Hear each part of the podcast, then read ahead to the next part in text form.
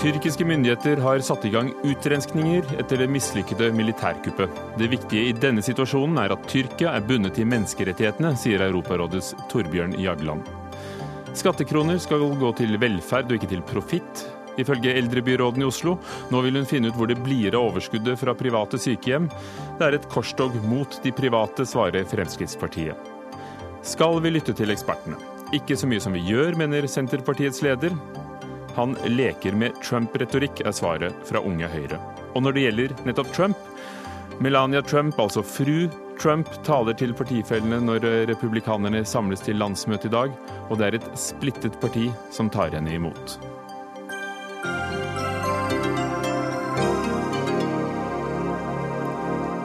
Velkommen til Dagsnytt 18 i dag med Ugo Fermariello i studio.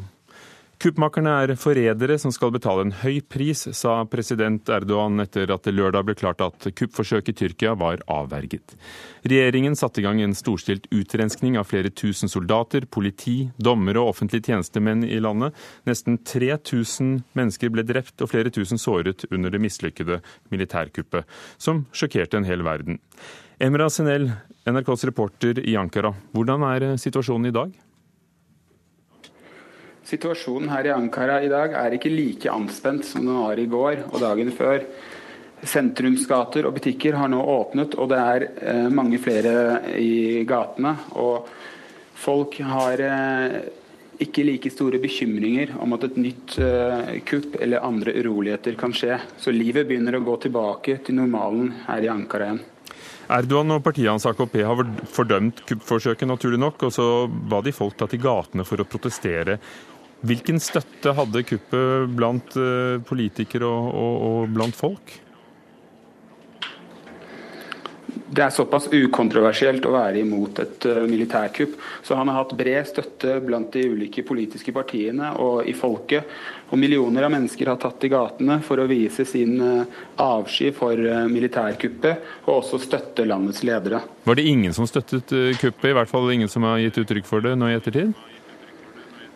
Det var, det var vel et fåtall som gledet seg over at militæren militæret da holdt på å kuppe makten. Men samtidig så er det veldig mange som har det frist i minne at landet aldri har vært tjent med militærkupp. Så er det jo en storstilt eh, etterforskning som er satt i gang. Tre døgn har gått siden eh, det mislykte kuppet fredag kveld, med lavflyende kampfly over Ankara og soldater som sperret Bosporos-stredet. Vi så i disse bildene fra, fra broen. Har etterforskningen gitt noen svar på hvem som sto bak det hele? Det er det myndighetene mener. Statsminister Binali Yildirim kom nylig med en uttalelse om at de har klare bevis på at Gulen-bevegelsen, som de mener er en stat i staten, står bak denne aksjonen. Arrestasjonene og etterforskningen av saken fortsetter. Og det er veldig mange spor som nå myndighetene mener eh, peker i retning av at Gulen-bevegelsen, som er ledet av denne predikanten i USA, står bak det hele. Mm. Men nå i Ankara så ser livet ut til å gå normalt, som du ser det? Livet holder på å normalisere seg her i Ankara. Det er mange mennesker ute i gatene, og folk er ikke like urolige og anspente som de var eh, i helgen. Og de vil, eh, de vil tilbake til normalen etter, eh, etter, et år med mange terrorangrep og ikke minst dramatiske kuppforsøk i helgen. Takk skal du ha, Emra Asenel, vår reporter på plass i den tyrkiske hovedstaden. Børge Brende, utenriksminister. Om lag 300 er drept i kuppforsøket. Hvor overrasket ble du da du hørte om eh, et statskupp hos en Nato-alliert? Jeg var veldig overraska over at eh, det var elementer i det tyrkiske forsvaret som forsøkte å begå et eh, statskupp. Det varte jo ikke lenge og ble jo slått ned, og bra var det. Det som er vesentlig nå fremover, er jo at president Eiduan og regjeringa i Ankara følge rettsstatens prinsipper. Det forventer vi av eh, en eh, alliert, det forventer vi av Tyrkia, og vi kommer til å følge eh, nøye med når det gjelder disse spørsmålene. Betyr det at du er, har en engstelse for at de ikke skulle gjøre det, siden du nevner det i første åndedrag? Det har kommet meldinger de siste døgnene som det er grunn til å være bekymra over.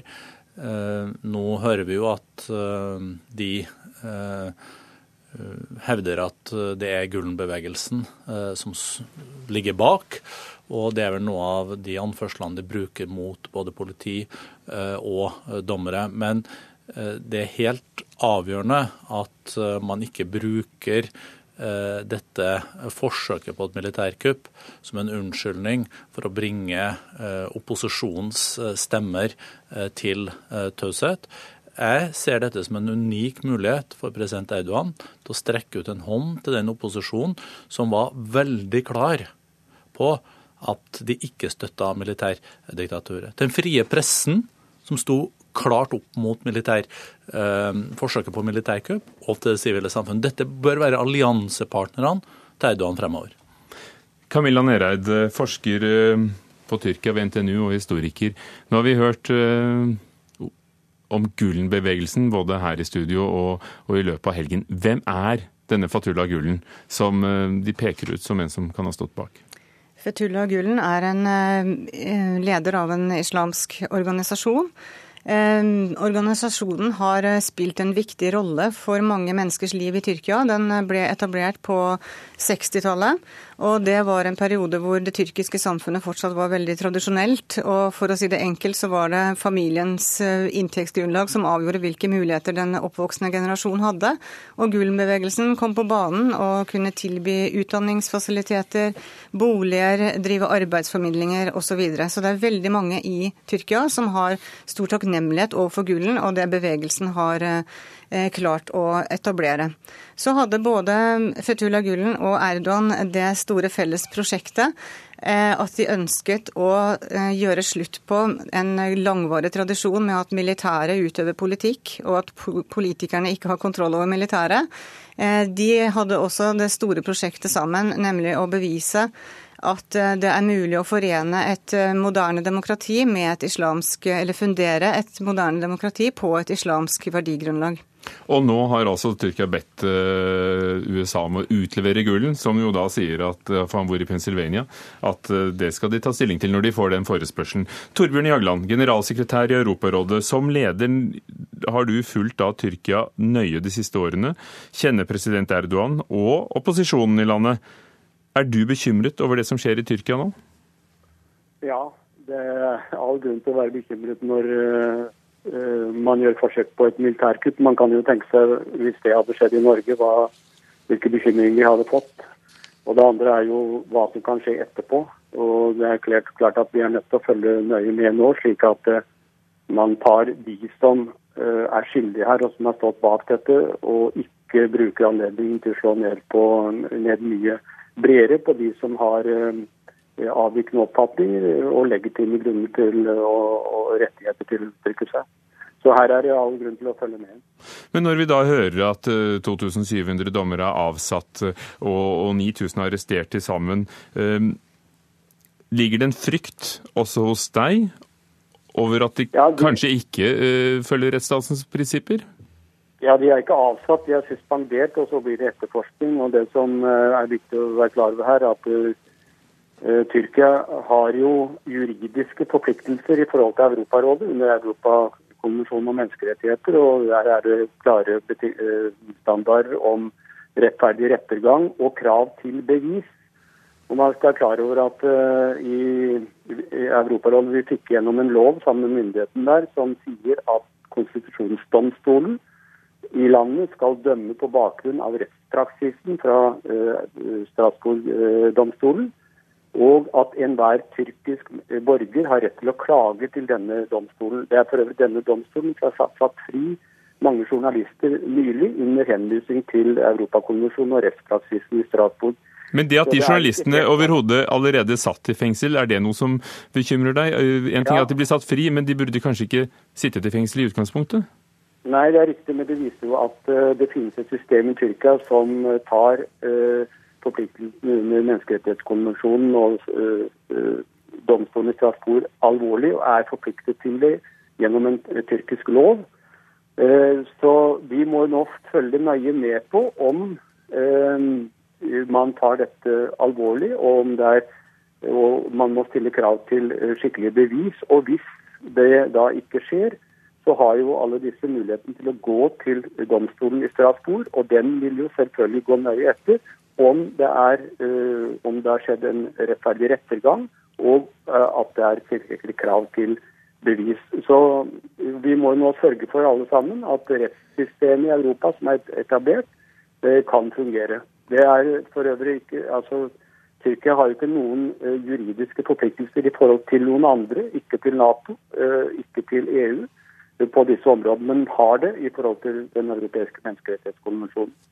Og når nå noen hevder at uh, kanskje Erdogan selv eller tilhengere av ham kan ha stått bak dette kuppforsøket, hva er din kommentar til det? Det, det I Orienten så er det jo alltid mange konspirasjonsteorier.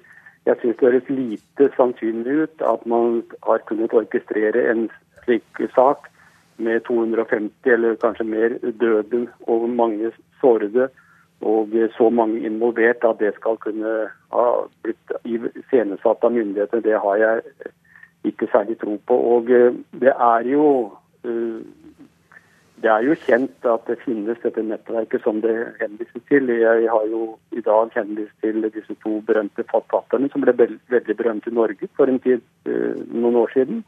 Da de ble fengslet fordi de uh, ville utgi en bok om uh, dette nettverket som de mente da hadde etablert seg som en stat i staten. Og det er altså Gullen-bevegelsen du sikter til. Takk skal du ha, Torbjørn Jagland, generalsekretær i Europarådet. Børge Brende, er du bekymret for om kuppforsøket kan bli brukt for å gjøre landet mer autoritært? Altså nettopp bruke det som et påskudd eventuelt av myndighetene?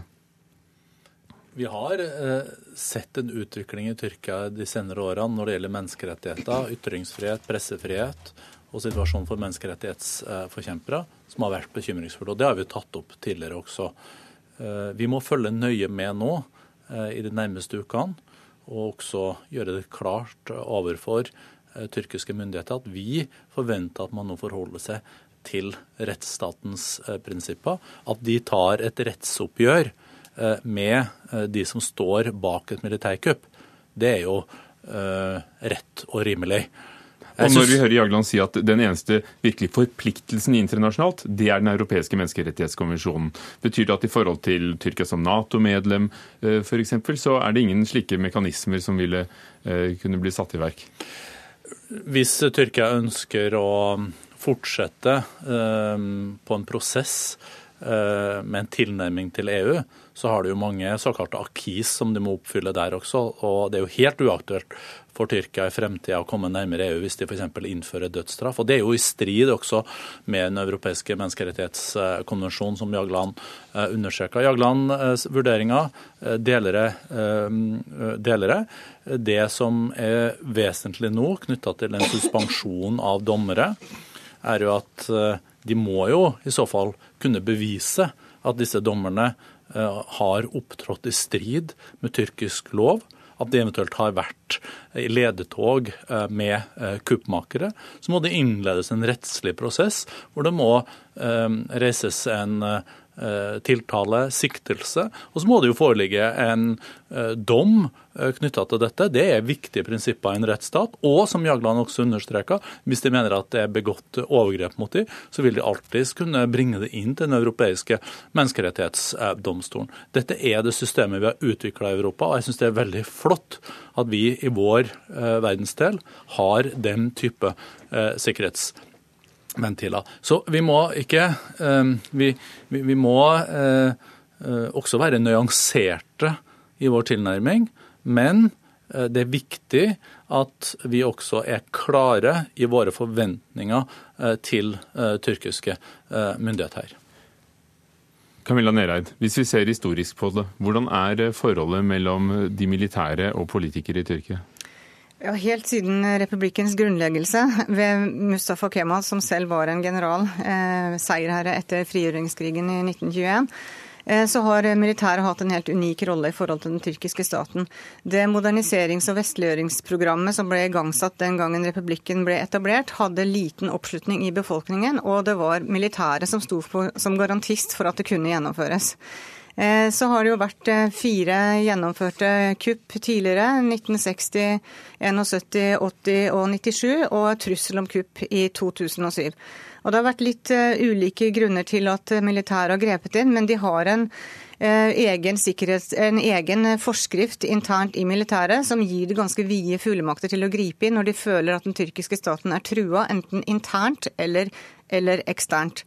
Og Det er også det her prinsippet om sekularisme som ligger som en, eh, en, grunnleggende prinsipp i den eh, tyrkiske konstitusjonen, som selvfølgelig er et begrep med mange definisjonsmuligheter, men som var den direkte årsaken, en av de direkte årsakene i hvert fall til, eh, til kuppet i 97, og som førte til at Fetullah Gulen da forlot landet i frivillig eksil. Og jeg har lyst til å si en ting til om akkurat det med Gulen. for det Eh, som jeg sa i stad, så er det mange positive aspekter ved den bevegelsen.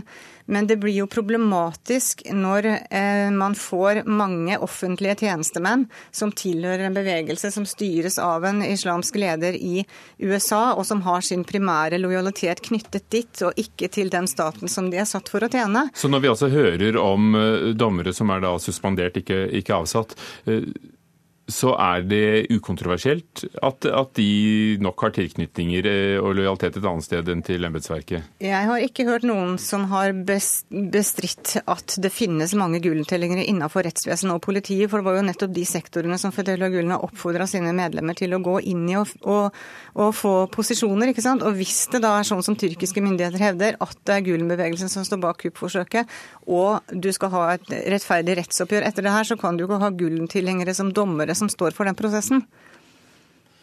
Det som eh, er helt avgjørende, er at eh, dommere skal ha sin lojalitet og dømme etter loven. Embetsmenn skal ha sin lojalitet eh, til også lovverket, Grunnloven, og til regjeringa. Men det er én dimensjon ved dette som jeg gjerne vil komme tilbake til.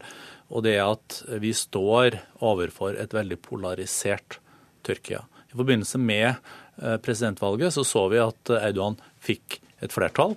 Men det var også et veldig stort mindretall som ønsker en, et sekulært, ikke-religiøst uh, Tyrkia, som gjør enda mer på uh, i retning av å bli uh, som resten av Europa. Og nå må Eidogan benytte denne anledningen til å sy disse gruppene sammen. Han må strekke ut en hånd, som jeg sa. Han må være brobygger, for ellers så løser du ikke disse problemene i Tyrkia. Du, man må rett og slett helle olje på vannet og bygge et, et Tyrkia som står sammen. Morten Myksvold, du kommenterer nettopp tyrkisk politikk som redaktør av nettstedet tyrkiskpolitikk.no. Du har akkurat landet i Istanbul, og, og på det du følger med, du, ser du det som sannsynlig at, at Børge Brende får sitt ønske oppfylt? At Erdogan eh, vil nettopp klare å, å, gi opposisjonen også litt plass her? Foreløpig så, så tyder det på det. Han skal ha et møte med ledere av to av tre opposisjonspartier eh, snart. Eh, og han har allerede ringt og takka de for eh, støtten han fikk eh, den kvelden kuppet eh, skjedde. Så akkurat nå ser det ut til å, å holde. Eh, hvor lenge idyllen eh, og, og, den enigheten som finnes i det politiske miljøet holder, er, er heller usikkert. Erdogan har vanligvis satt en, en konfronterende stil. Men når det har vært så mange kuppforsøk tidligere som vi akkurat hørte om, eh, og vi vet at, at landet er ganske splittet også politisk, betyr det at dette, dette kuppforsøket her var noe du kanskje hadde regnet med, til og med? Nei, jeg hadde ikke regna med at det skulle komme. så det, jeg har sett på det som veldig usannsynlig at noe sånt skulle skje. Uh, og, og den, En av de mer sannsynlige teoriene for hvorfor det skjer, uh, er nå at, at kuppet har skjedd i, blitt planlagt i ekspressfart. Eh, fordi at noen av de som er, er tiltalt for, eh, eller eh, mistenkt for å stå bak kuppet, har allerede blitt avsatt fra militæret. Og noen kom til å bli det i oktober i en pågående prosess med omorganisering av militæret. Camilla Nered, hvordan ser du på den teorien? Eh, det har jo vært eh, pågående etterforskning av mulige kuppmakere helt siden 2007. Det er jo en etterforskning som har pågått nå i, i, nesten ti år. Så det er klart at her har man hatt ganske mange navn på listene over mistenkelige personer eh, før, før kuppforsøket kom nå. da. Og så tenker jeg det, det er viktig å løfte blikket litt her også. Eh, det har skjedd veldig mange positive ting i Tyrkia det siste under AK-partiets eh, regjeringstid. I tråd også med EU så har man jo klart å få politisk kontroll over militæret. Og det er jo et riktig skritt i, i demokratisk retning, tenker jeg alle må være, må være enige om. da. Så noen, når, når, vi hører bekymring over at Erdogan um flytte makt fra statsministeren til presidentembetet, eh, så mener du likevel at demokratiet står sterkere enn før? Hvis du sammenligner demokratiets stilling i Tyrkia i dag kontra hvordan det var etter kuppet i 1997, så mener jeg at demokratiet står sterkere i Tyrkia i dag, ja. Børge Brende, hva sier du til det? At uh, Tyrkia har vært gjennom en utrolig rivende utvikling de 10-15 uh, siste årene. og de står nå ved et veiskille. og jeg håper at man velger eh, rettsstaten, og at det som er knytta til både eh, media og disse domstolene og disse andre spørsmålene, er relatert til denne Gulen-bevegelsen og det de oppfatter eh, som problematisk når det gjelder kurdere. Jeg kjøper ikke nødvendigvis den argumentasjonen at det ikke er en bredere tilstramning, men at eh, det som skjedde i parlamentet forrige kvelden, hvor man sto sammen i en felles erklæring, er eh, veldig viktig. Jeg tror en annen stor utfordring som Eidogan nå eh, vil møte, er jo at mye av hans popularitet er også basert på den rivende økonomiske utviklinga. Og hvordan går det med utenlandske investeringer? Hvordan går det med denne økonomien fremover, og hvordan vil folk reagere hvis de ikke lenger får det bedre? det snakker vi om neste gang, da. Ja. Takk skal du ha, Børge Brende, utenriksminister. Takk, Camilla Nereid, historiker og forsker fra NTNU. Og takk til deg, Morten Myksvold, redaktør av tyrkiskpolitikk.no.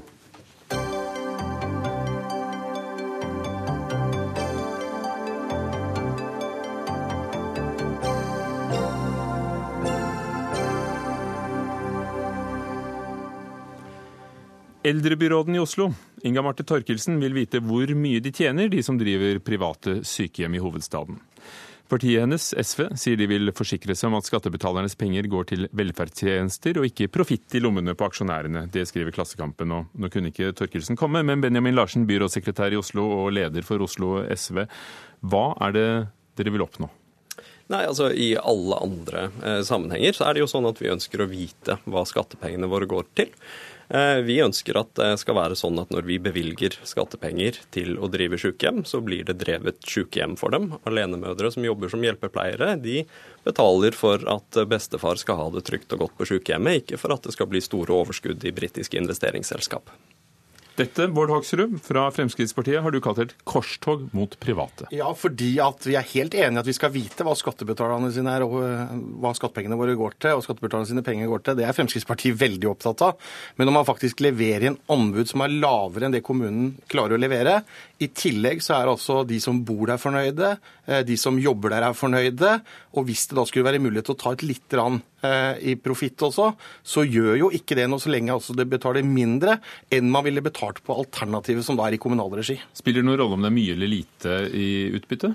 Ja, det er jo sånn at eh, det er, i hvert fall De som driver her, sier at det er ikke veldig god butikk lenger. Men jeg, det jeg synes er, og grunnen til at jeg reagerer på eldrebyråden i Oslo, det er at hun kommer hele tida med en del påstander og en del spørsmålstegn mens jeg vet at de private har prøvd å komme i dialog med eldrebyråden uten at hun har villet ha møte med dem for å diskutere nettopp de eh, påstandene som kommer fra Inga Marte Torkelsen.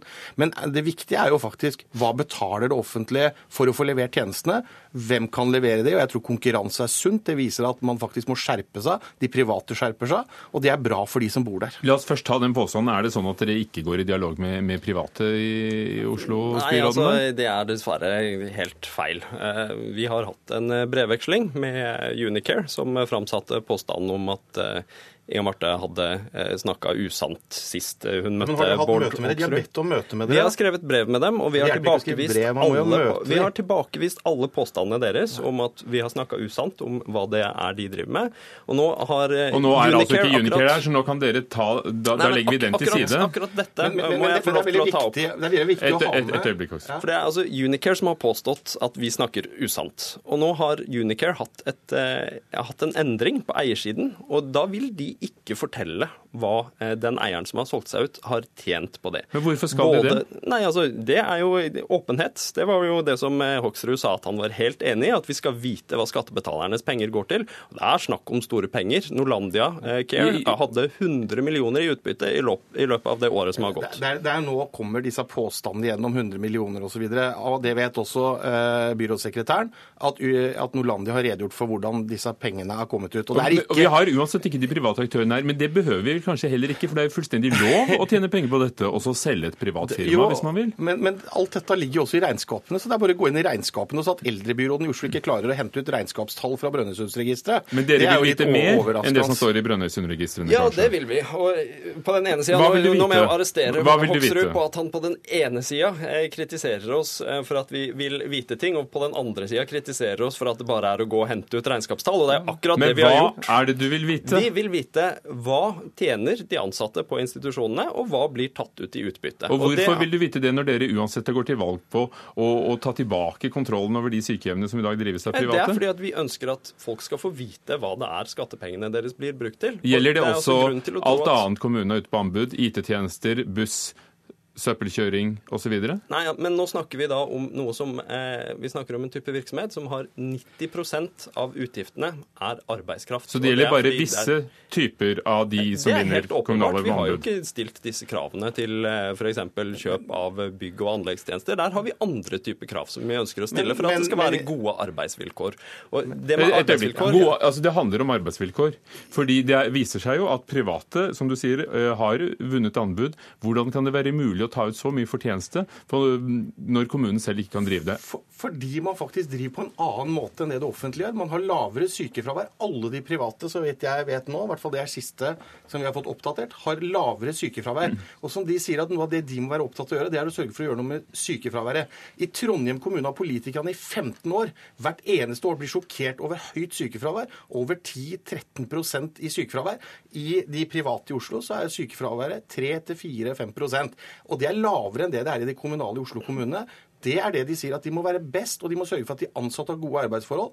De følger tariffavtaler som de må i henhold til de avtalene som er inngått. Så det er liksom sånn, og det er den der mistenkeliggjøringa som jeg også opplever nå, byrådssekretæren. Og jeg syns det er trist da at man driver og sender brever til hverandre istedenfor når man ber om dialog, får lov å komme i møte. Men det blir en annen skål. Jo, jo, men det er noe med å legge fram, fordi de ønsker jo gjerne å legge fram, men byråden vil jo ikke la de få lov å komme og legge det fram for byråden. Ja, men og da blir det, det, håpløst problem. der er de uenige Ja. uh, med deg. Men kunne det være at så lenge de, de, de har jo tariffavtaler og ordnede arbeidsforhold, og, og til og med kan vise til lavere sykefravær, sier Hoksrud i Trondheim i hvert fall. det er galt. For det første, og det må jeg jo si at her sitter han og snakker om at vi kommer med påstander, men det er jo ikke men det, svake det påstander han kommer med selv. Benjamin Larsen, det sånn egentlige spørsmålet er vel er ikke en sak om lønn og arbeidsvilkår noe som eh, også dere er enige om at det ordnes mellom arbeidsgiver og arbeidstaker? Det er ikke noe dere som kjøper av en tjeneste skal blande dere inn i?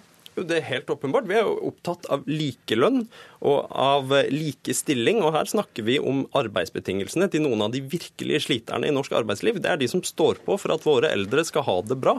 Og de tariffavtalene som de har i noen av de, hos noen av de kommersielle sykehjemmene, de har altså begynnerlønn som ligger på 80 000 mindre enn det vi har Så i det er ikke de Og eldre og, og beboere dere er bekymret for, det er arbeidstakere? Jo, Vi står overfor ei betydelig rekrutteringsutfordring i eldreomsorgen i åra som kommer. og det er klart at Hvis vi skal drive og konkurrere, altså at det skal være et konkurransefortrinn å ha dårligere arbeidsvilkår, så klarer ikke vi å rekruttere det personellet som vi trenger i åra som kommer. Nå hører vi nye, nye påstander, men det vi vet, og det som jeg har lyst til å utfordre på, fordi han sier at dette er veldig spesielle tjenester Ja, Er barn som trenger barnevernstjenester, er de veldig spesielle? Er barn som trenger barnehageplass, er de veldig spesielle? Der sørger man for å få til et forlik hvor man både fikk inn private, ideelle og det offentlige, som sørga for at vi klarte å få full barnehagedekning. I Oslo så har vi et byråd som skal kutte antall sykehjemsplasser med 400. Det betyr at de er ikke opptatt av de eldre. De ønsker ikke at de eldre skal ha god pleie og omsorg. fordi da hadde man faktisk sørga for at man hadde latt private, ideelle og kommuner få lov å levere, når man også leverer bedre, bedre og billigere tjenester. Altså for det første så er det deg, er. For det første så er det ikke sånn at vi mener at eh, barnevern og barnehager er spesielle.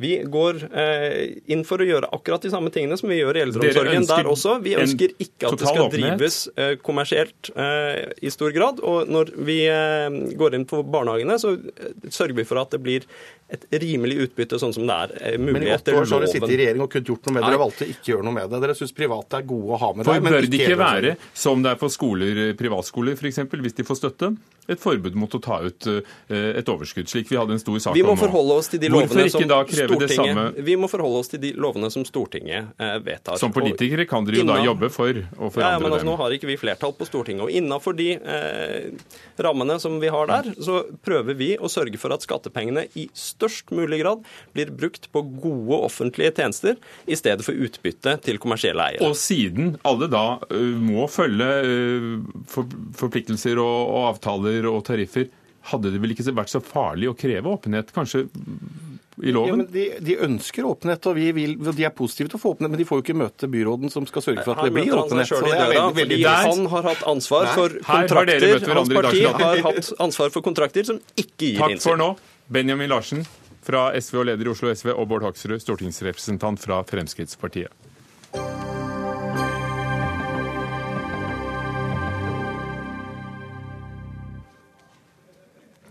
Republikanerne i USA begynner landsmøtet sitt om en knapp time.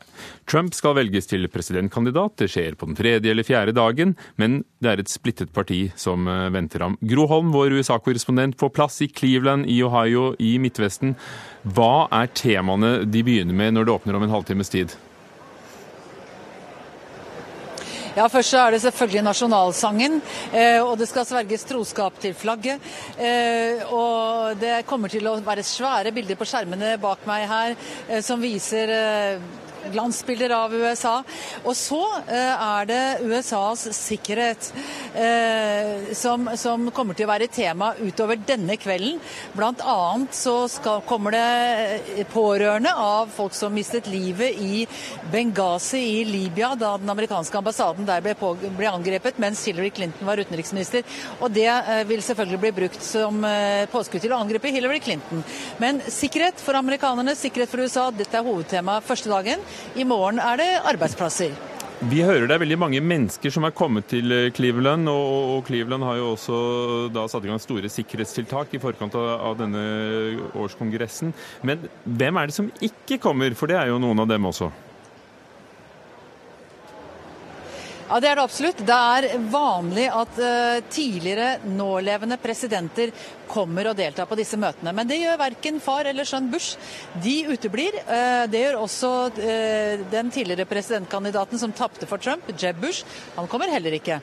Og det er selvfølgelig oppsiktsvekkende. Så kommer ikke en annen presidentkandidat som tapte for Trump, John Kasich. Og det er påfallende, fordi han er guvernør i nettopp i Ohio, hvor dette møtet finner sted. Han skal også befinne seg i samme by, i Cleveland, og skal ha møter med en del delegater.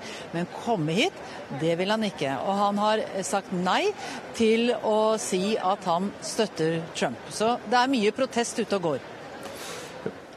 Det er ikke bare én Trump på scenen i løpet av disse dagene, men det er også en annen en, nemlig Melania Trump, eh, fru Donald Trump. Hvilke forventninger har eh, folk til henne, de som har kommet for å høre, da? Ja, Hun har veldig høy glamourfaktor, det er det ingen tvil om. Den tidligere modellen eh, er vakker som bare søren. Men, men hun skal altså opptre i dag og under dette punktet med sikkerhet fra Amerika. Og det er jo mange som spør, meg, spør seg hva i all verden kan hun bidra med under et slikt punkt, sammen med en tidligere general, bl.a. sammen med flere andre som virkelig har greie på dette med sikkerhet. Eh, Hun kommer sikkert til å snakke om betydningen av sikkerhet for amerikanske familier. Hun er på mange måter en veldig privat person som ikke var spesielt begeistret over at eh, Trump skulle stille som presidentkandidat. Hun er opptatt av familie og hjem og, og er eh, lite politisk interessert i utgangspunktet. Nå får vi se om det kan komme til å endre seg. Vi har ikke nevnt Mike Pence, som også var et overraskende navn for mange eh, som visepresidentkandidat. Trump introduserte ham selv som en solid, solid person, i motsetning til korrupte Hillary Clinton. Hvordan vil du karakterisere ham? Hva, kan du si om ham? Ja, Han er en veldig verdiorientert, konservativ republikaner. Han er jo blitt kanskje mest kjent fordi han er sterk motstander av selvbestemt abort. Han er sterk motstander av likestilling for homofile, lesbiske og transseksuelle i alt som er av amerikansk lovverk mot f.eks. ekteskap mellom likekjønnede. Men han er også for handelsavtaler som Trump er mot. og det er jo interessant å se eh, hvordan, eh, hvordan, det kommer til å gå seg til underveis. Han uttalte seg også da Trump ville stenge grensa for muslimske innvandrere. Så sa Mike Pence at dette er i strid med Grunnloven. Så her er det nok noen samtaler de to må ha på kammerset.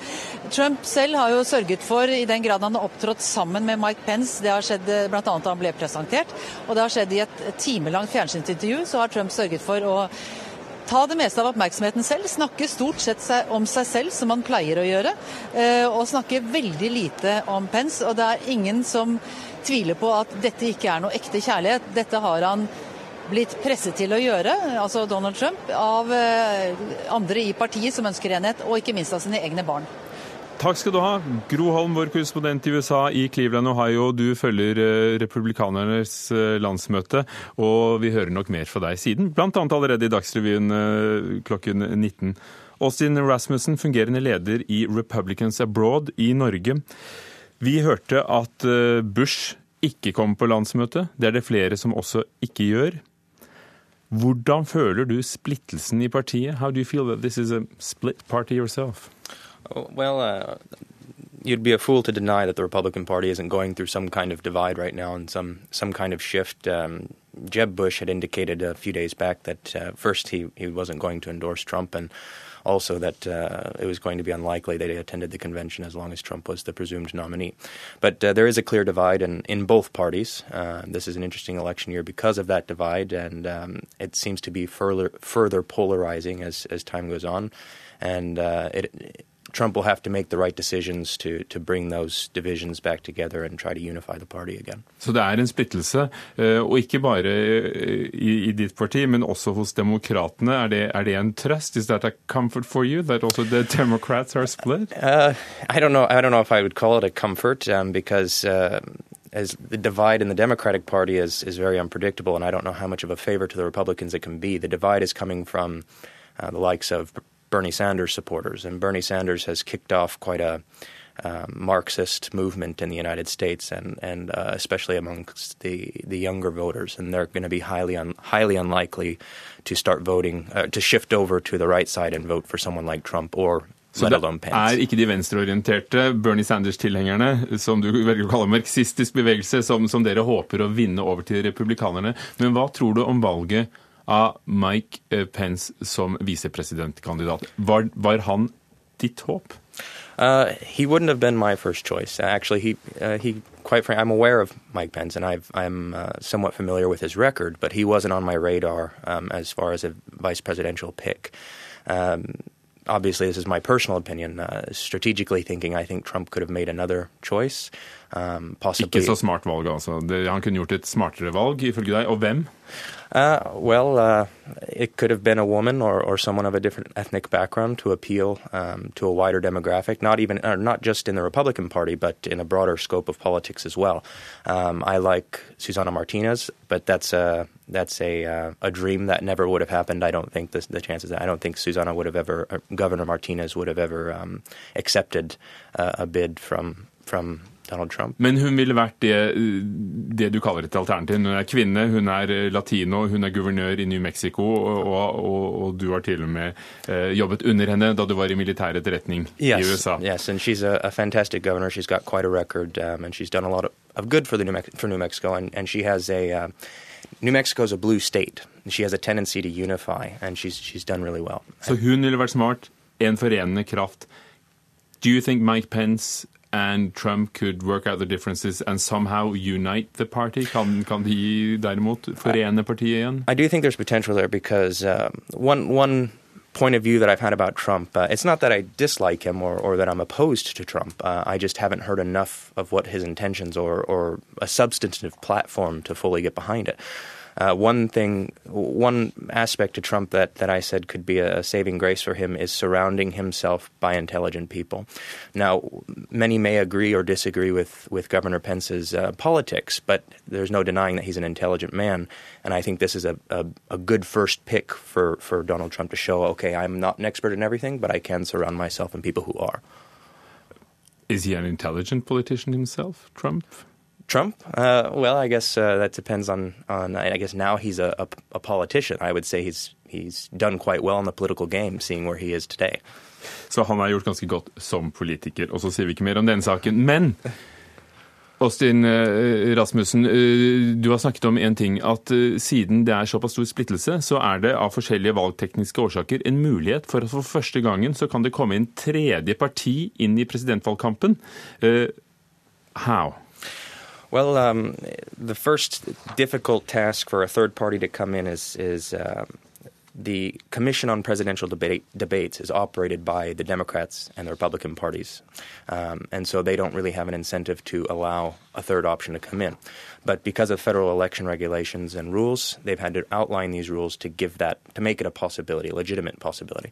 Uh, what that means is that a third party would have to rank somewhere, uh, would have to rank about 15% in five different national polls, and then they would be forced to let them into the national. Ser det ut som the Libertarians the libertarian, kan vi gjøre det. Vil det være en god ting? Would it be a good thing? Absolutely, uh, absolutely. For, I mean, in my personal politics, uh, I identify more with classical liberal. I'm a Republican, uh, classical liberal. Um, so my first choice, to give you some context, Rand Paul was my first pick for presidential candidate. Um, so I think that the Libertarian Party would be great. It'd be historic. This could be has a potential to be a historic election year. Et historisk år, særlig hvis de kommer inn i det tredje parti, som man må ta alvor, på alvor i debatten. Takk skal du ha, Austin Rasmussen, ja, fungerende leder for Republicans Abroad i Norge.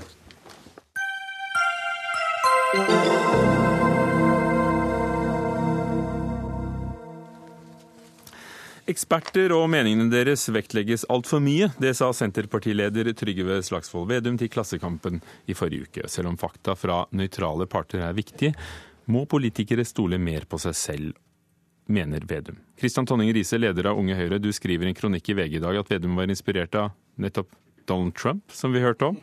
Og den britiske brexit-generalen Michael Gove. På hvilken måte?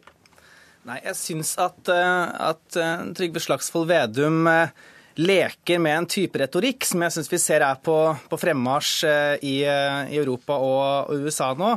Der kvalifiserte innvendinger mot ens egne politiske standpunkter nærmest avvises som noe uønsket. Istedenfor å gå inn på og se hva er det eksperter sier, hva er det de foreslår, og så eventuelt da forklare hvorfor man er uenig, så avviser man det som elitisme og sier at nå er vi lei av eksperter, nå trenger vi ikke å høre på ekspertene lenger.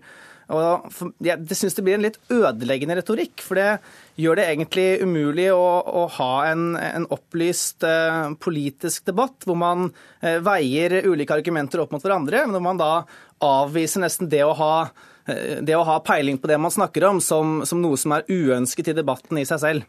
La oss høre. Trygve Slagsvold Vedum, leder av Senterpartiet. Leker du med, med ilden? Leker du med Trump-retorikk? Nei, det gjør jeg ikke. Altså, I det intervjuet, Hvis man har lest hele intervjuet, så sier jeg at vi er jo 100 avhengig av fakta, god statistikk. Men at de må være opptatt av hva faktisk samfunnsvitenskapelige eksperter er. Og det de kommer med, er vurderinger. Det er ikke fakta. altså Det er en veldig klar forskjell på naturvitenskap og samfunnsvitenskap. Altså Naturvitenskap kan du etterprøve, du kan ta forsøk og du kan sette to streker under svaret. Men i samfunnsvitenskapen så er det vurderinger som kommer. Uh, og, vi, og Det er også økonomer. Det var knapt noen økonomer som forutså finanskrisen i 2008. Fordi det er vurderinger. og Det som har vært et problem uh, i Storbritannia, og som du ser i mange europeiske land, er at man har glemt å lytte til vanlige folk. Men ser, ser, du det som et problem i Norge? Jeg tror jeg, altså, Norsk eh, politikk er veldig, i stor grad veldig sånn, jorda, veldig nært folk. Men jeg mener at vi har noen eksempler på det. altså Når det gjelder kommunereformen f.eks., så satt jo sammen ned et såkalt ekspertutvalg. Han plukka ut de professorene han mente kunne gi det svaret han ville få. For han visste jo at når du, når du, visste, når du valgte professor Borge, eller når du, visste, når du valgte professor Wabo, så fikk han et svar der kommunesammenslåing var svaret. Han valgte andre professorer som har fått et motsatt svar.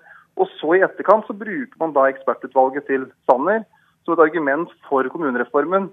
når Sanner sjøl håndplukka de professorene han ville ha der for å få det svaret han ønska.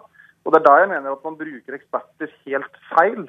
Man bruker det politisk, for man velger eksperter med de vurderingene som man sjøl deler. og så bruker man det i et politisk ordskifte i etterkant. Og jeg sjøl var jo i en eh, debatt med Borge på NRK. og Det eneste han sa, var at jeg er enig med Sanner, jeg er enig med Sanner, jeg er enig med Sanner. Og Det er det som vi må huske på når det gjelder samfunnsvitenskapen. At det er vurderinger, og det er bra med eksperter med ulike vurderinger. Men til sjuende og sist så er det politikerne og de folkevalgte som skal gjøre den endelige vurderingen. For vi har et mandat fra folk, ikke fra en eller annen ulik akademisk tradisjon. Nå, Som partifelle av, av, av Sanner, kan du ta ham i forsvar? Jo, altså, Jeg ble jo litt foruroliget når, jeg, når, når Vedum nevner altså, økonomi og, og, samfunnsvitenskap som et område der man nærmest ikke trenger eksperter. Og, og Mitt poeng var jo ikke det at, at eksperter eh, i seg selv eh, leverer noen, noen fasit. Selvfølgelig er det sånn at eksperter eh, tar feil.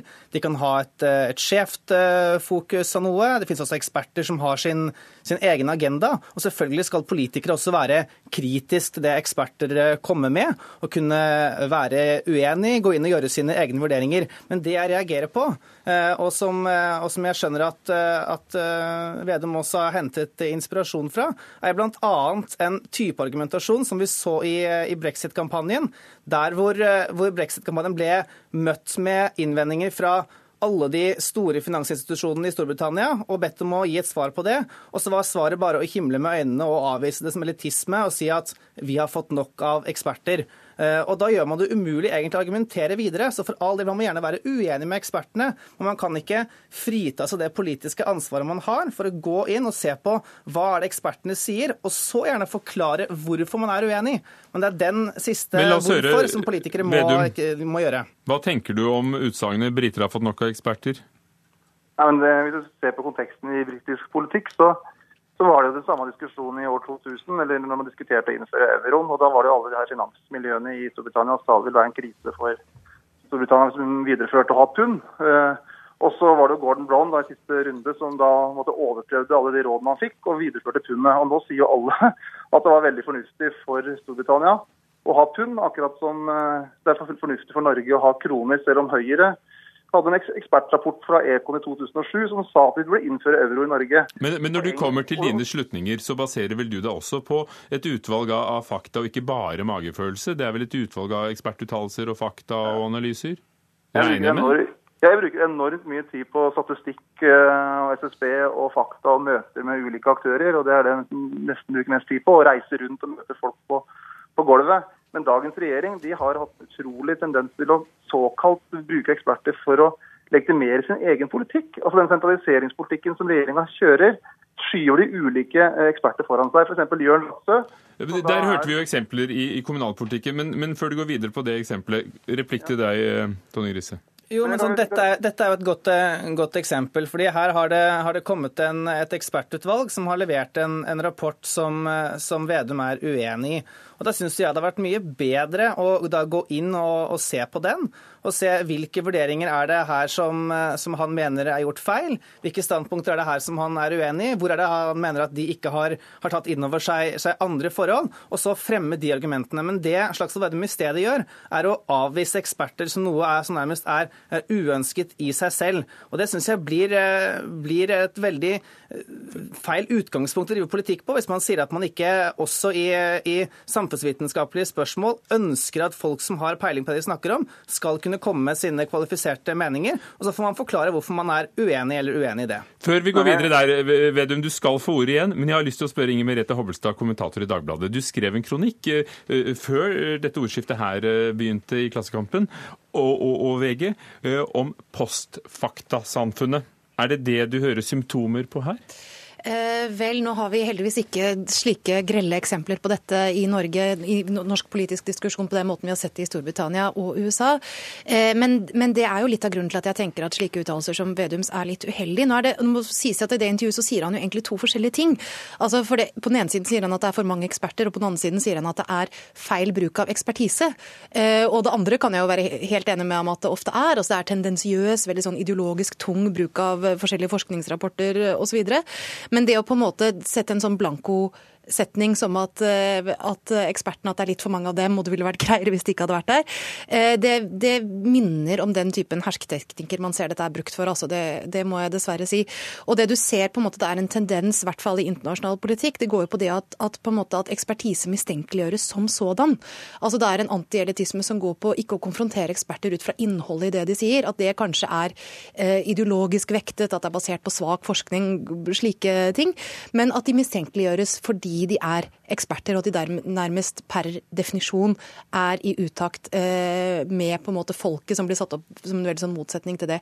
Jeg tror ikke nødvendigvis det er et motsetningsforhold der, og jeg, jeg syns ofte at det er ofte noe politikere gjør for å slippe å svare på faktisk sakens forhold, og det er å på en måte eh, si at denne personen kan vi ikke ta alvorlig fordi det er en fjern ekspertise der, som, og det er et annet sted der den virkelige sannheten ligger. Det syns jeg man skulle være forsiktig med. Vedum. Ja, men jeg har en grunnleggende respekt for eh, kunnskap og veldig faktaorientert i min tilnærming òg. Jeg synes jo Ikke minst i kommunereformen så har jo de ekspert, såkalte ekspertene som har blitt brukt, vært veldig politiske og lite faktaorientert, og ikke tatt inn over seg at folk er mest fornøyd i små kommuner. Men kan det være noe med bruken av faktagrunnlaget, analysen, og ikke selve analysen?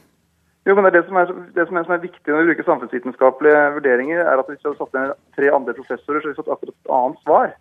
Og det er Hvis du har lest en del samfunnsvitenskap og du har hatt møte med mange professorer, så vet du at du får ulike svar ut fra hvem du spør. Og Det er jo en kjempefordel at vi har den debatten. Men jeg syns dagens regjering har brukt sånn ekspertutvalg veldig for å legitimere sin egen politikk. Når de i utgangspunktet har plukka ut akkurat de professorene de ønska for å få det svaret de ønska. F.eks. Rattsø, som når han la fram sin rapport kalte ressursrikdom er en forbannelse for Norge. Det er jo en helt meningsløs uttalelse. Men han har ett mål, og det er å sentralisere og bygge ned en del regulering rundt vannkraft, olje og gass og liksom sentralisere Norge. og Det visste Høyre. De satte ned han, og han sier den type ting. Hadde de valgt en annen professor, så hadde de fått helt andre typer svar. og Derfor så kan vi ikke vektlegge det mer enn det det faktisk er. Altså Samfunnsvitenskapen er en verdibasert vitenskap. Der er veldig mange vurderinger, i motsetning til naturvitenskapen, som er mye mer du kan sette to streker under svaret. og Derfor må vi ha en debatt rundt det. og Problemet i Storbritannia var jo at jeg tror vi må, jeg må stoppe deg der, Vedum. fordi at vi, Nå stopper vi ved det norske eksempelet. Vi, satt, vi satt jo sannelig her og, og, og, snakket om motstridende ekspertrapporter når det gjaldt lakselusfunn eh, for noen dager siden. Kort, kort replikk til deg, Tonning Riise. Er det sånn at dere, som kanskje andre også, velger deres eksperter med omhu? Selvfølgelig så er det sånn at uh, I enkelte områder så er det også stor uenighet uh, blant ekspertene. Når man setter ned et utvalg, så må man selvfølgelig gjøre noen vurderinger på, på, hvilke eksperter man ønsker. Man kan ikke ha med alle hele tiden. Og Det er veldig lett å legge fram en lang liste på enten økonomer eller uh, internasjonale analytikere som har tatt feil. Men å gå derfra til å si at nå trenger vi ikke økonomer eller analytikere lenger, det blir for dumt. En, en, sunn skepsis, eh, Hobbelstad? Det er jo helt sant det eh, Vedum sier om at du kan ha tre professorer i studio og få tre forskjellige svar. Jeg tror ikke da løsningen er å kaste de professorene ut av studio, men snarere å passe på at de blir eh, utfordret, i stedet for at samtalen går mer på fornemmelser og magefølelser. At man bruker deres kunnskap, men også eh, sørger for at de ikke kan forelese uten å bli kontestert. Og likevel skal jeg kaste dere ut av studio nå. Takk skal dere ha. Inger Merete Hobbelstad, kommentator i Dagbladet. Kristian Tonning Riise, leder Unge Høyre, du blir sittende litt til til neste debatt. Og Slagsvold Vedum, leder av Senterpartiet.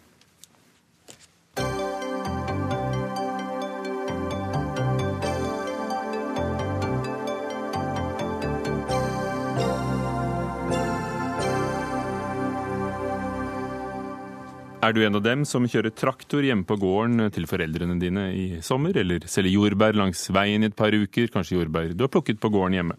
Da bør du ha en arbeidskontrakt, mener LOs sommerpatrulje.